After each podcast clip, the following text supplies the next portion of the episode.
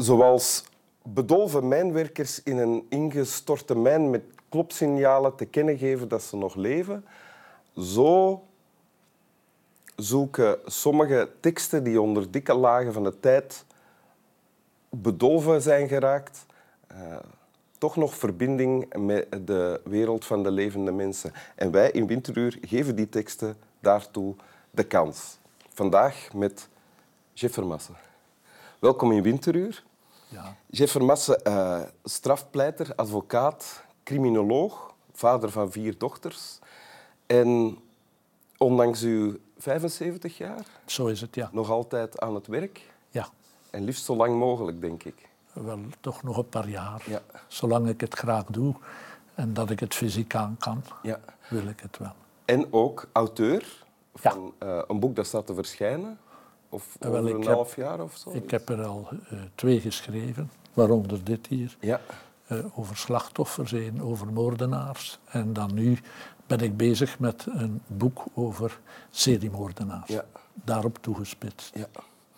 En u gaat voorlezen uit uw eigen boek? Ja, maar niet eigen tekst. Nee, een citaat uit uw boek? Ja. ja oké. Ik heb bij ieder hoofdstuk zo'n interessante tekst gezet die op dat hoofdstuk betrekking heeft. En dit is een eh, tekst van Dostoevsky. Ja, ja. luister graag mee. Houd vooral van kinderen. Ze zijn zonder zonden, zoals de engelen. Ze zijn er om ons te ontroeren en als een vermanende vingerwijzing van God naar ons. Wee hij die een kind kwaad doet. Houd daarom jezelf iedere dag en ieder uur in de hand, zodat je geen aanstoot geeft. Want misschien ga je met toorn in je hart voorbij het kind, terwijl je roept en scheldt. Als dat kind je zo ziet, bezoedel je dat kind zijn argeloze hartje en strooi je het eerste zaad van het kwaad in dat kind, omdat je in jezelf geen zorgzame liefde hebt aangekweekt. Uit de gebroeders Karamazov. Inderdaad. Hebt u dat dan gelezen, helemaal? Nee. Nee? Nee, uh, ik, heb, ik heb wel al een paar werken gelezen, maar niet die. Maar uh, ik heb die tekst horen voordragen door een reisleider, een vriend. Dat is... Horen voordragen? Iemand die het hele boek uit het hoofd... Nee, een stuk, ja. Ah, ja, Een half uur aan een stuk. Ah, ja. En de man was ook in de zeventig toen. Okay. Hij was reisleider om naar Sint-Petersburg te gaan. Het is een vriend, het is een kunstschilder en een glazenier, Harold van de Perre. En hij kent dus dat stuk eigenlijk van buiten. Want dit fragment komt uit het stuk dat hij toen voor. Klopt, ja. En ik vond het zo pakkend dat ik het overgenomen heb okay. in mijn boek. En wat wordt er gezegd in dit uh, fragment dat u net... Wel, het gaat over een kind, kinderen die argeloos onschuldig zijn, mhm. en de volwassenen die kinderen soms kapot maken of alleszins een zorgeloosheid niet weten te bewaren en kinderen in contact laten komen met de eigen gramschap, om eens een oud Nederlands woord te gebruiken, hun eigen woede, hun eigen boosheid. Toren? Ja, toren, voilà. En waarbij je dan eigenlijk dat kind beïnvloedt in zeer negatieve zin en trauma's kan veroorzaken, omdat een kind zo gevoelig is. Ik iets in mij zegt dat u daar uh, in uw rijkgevulde carrière al wel mee in contact gekomen bent. Klopt dat? Dat klopt perfect, inderdaad. Eh, en was dit iets dat u al wist van in het begin, toen u als jonge strafpleiter begon?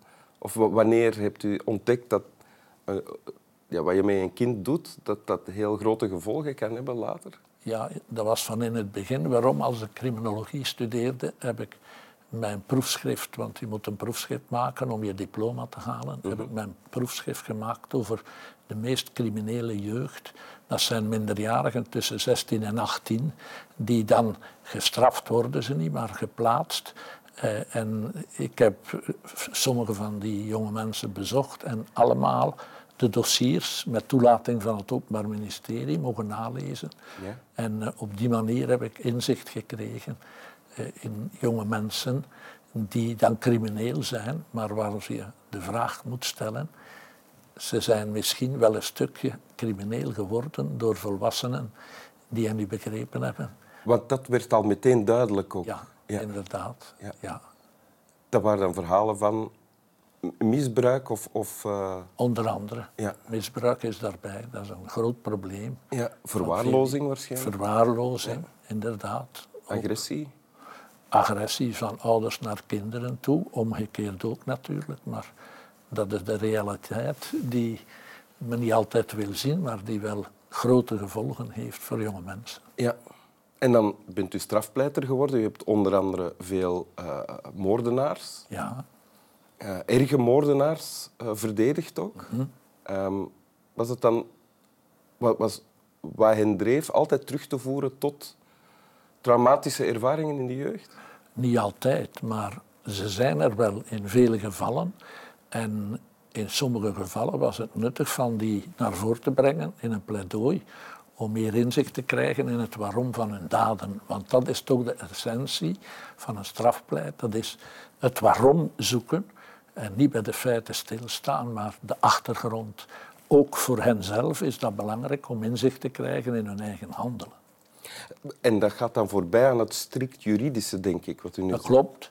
Ik zeg altijd, als een strafpleiter 50% de wet kent en toepast en 50% psychologie, dat is een goed evenwicht.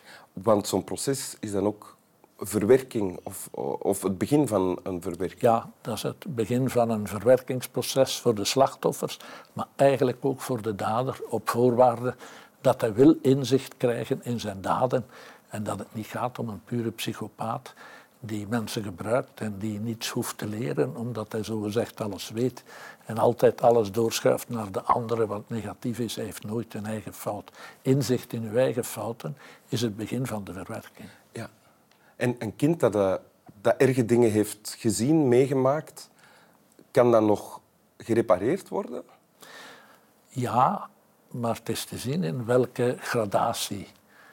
Eh, nee, ik ben nu volop bezig met dat boek aan het schrijven over seriemoorden. Daar komt een geval in van een jonge man die dus zijn oom als kind, hij was kind, zijn oom heeft eh, zien copuleren met een kalf. Waarvan, kalf? Een kalf, Ja. waarvan hij het hoofd had afgehakt. En dat is een seriemoordenaar geworden. Omdat hij dat nooit heeft verwerkt en waar hij dan zelf zijn slachtoffers het hoofd afhakt, iedere keer. En dan pas met hen kan vrijen. Hij kan met geen levende mensen vrijen. En voor hij geëxecuteerd is, heeft hij in een interview gezegd dat dat de basis is van al zijn fouten die hij begaan heeft, namelijk zijn moorden. Dus U bent een antwoord aan het geven op mijn vraag, kan het gerepareerd worden? ja, wel, eh, hier zit het zo diep dat die man een foute weg is ingeslagen en dat hij dan eigenlijk blijft doorgaan. Want seriemoord wil zeggen verslaafd aan doden. Ja. En die man was verslaafd aan doden en zonder hulp van buitenaf kan je zo iemand niet helpen. Maar natuurlijk, hij gaat het aan niemand vertellen.